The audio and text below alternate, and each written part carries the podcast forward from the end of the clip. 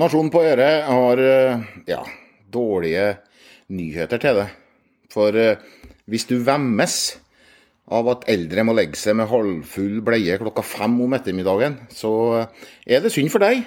For så lenge omsorgssektoren beskytter sine kjepphester, så er det der vi havner.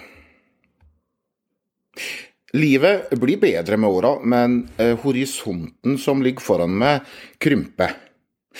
Den første kjipe erkjennelsen av å ha passert 50, den kom i desember. Kjæresten og jeg så NRK fortelle historien om Jan Sverre Borander på 80 år. Han gikk sjøl inn døra på Ullern helsehus i januar i fjor.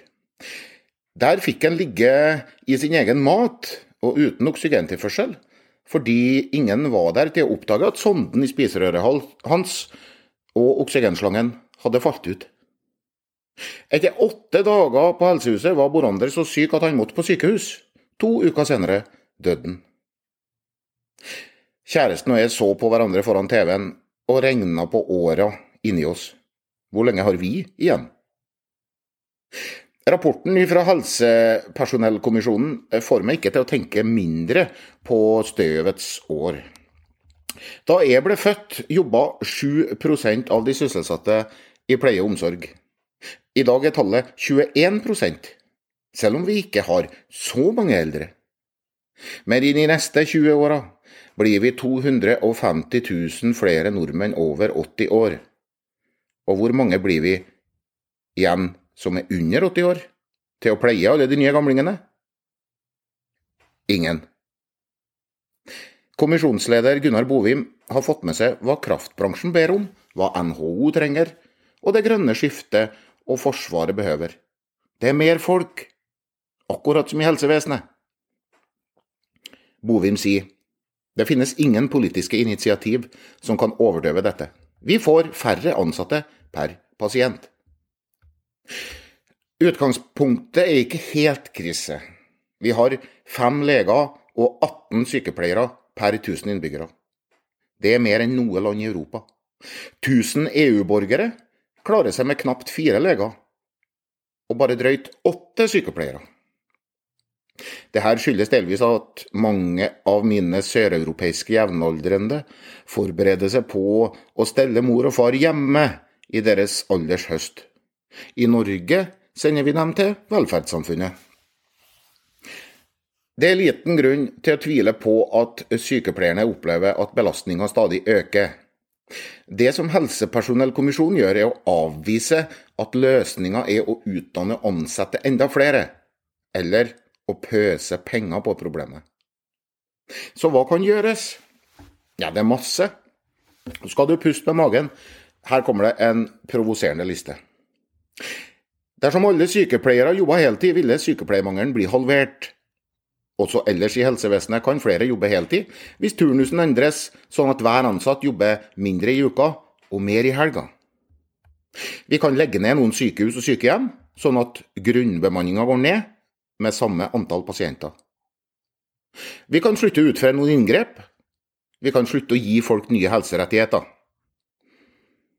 Vi kan droppe frontfagsmodellen og gjøre helsepersonell til lønnsvinnere.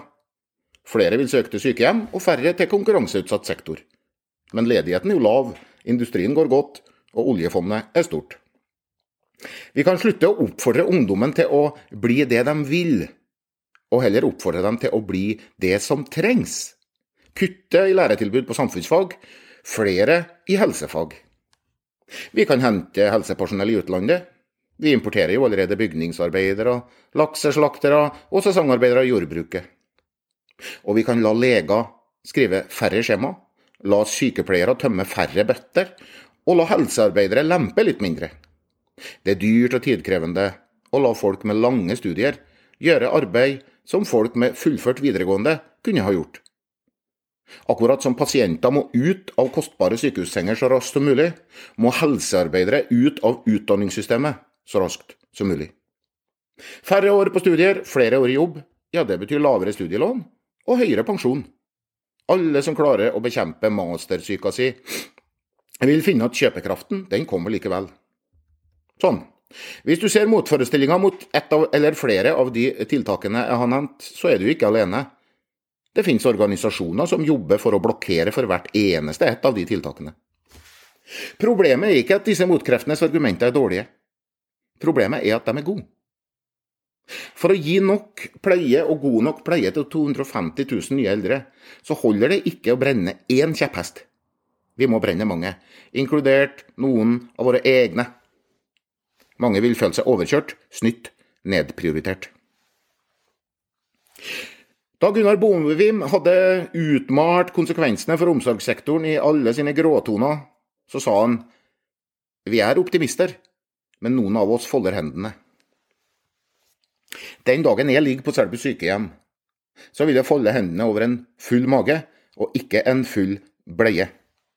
Jeg vil be for min sjel og min etterslekt, og ikke måtte be om å få være oppe til klokka sju.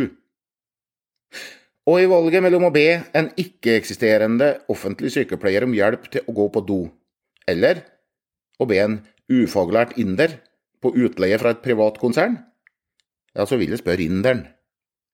Det kommer alle som kjemper for kjepphester i helsesektoren, også til å gjøre. Det er å håpe at denne erkjennelsen siger inn, før de ligger der i sin egen bæsj.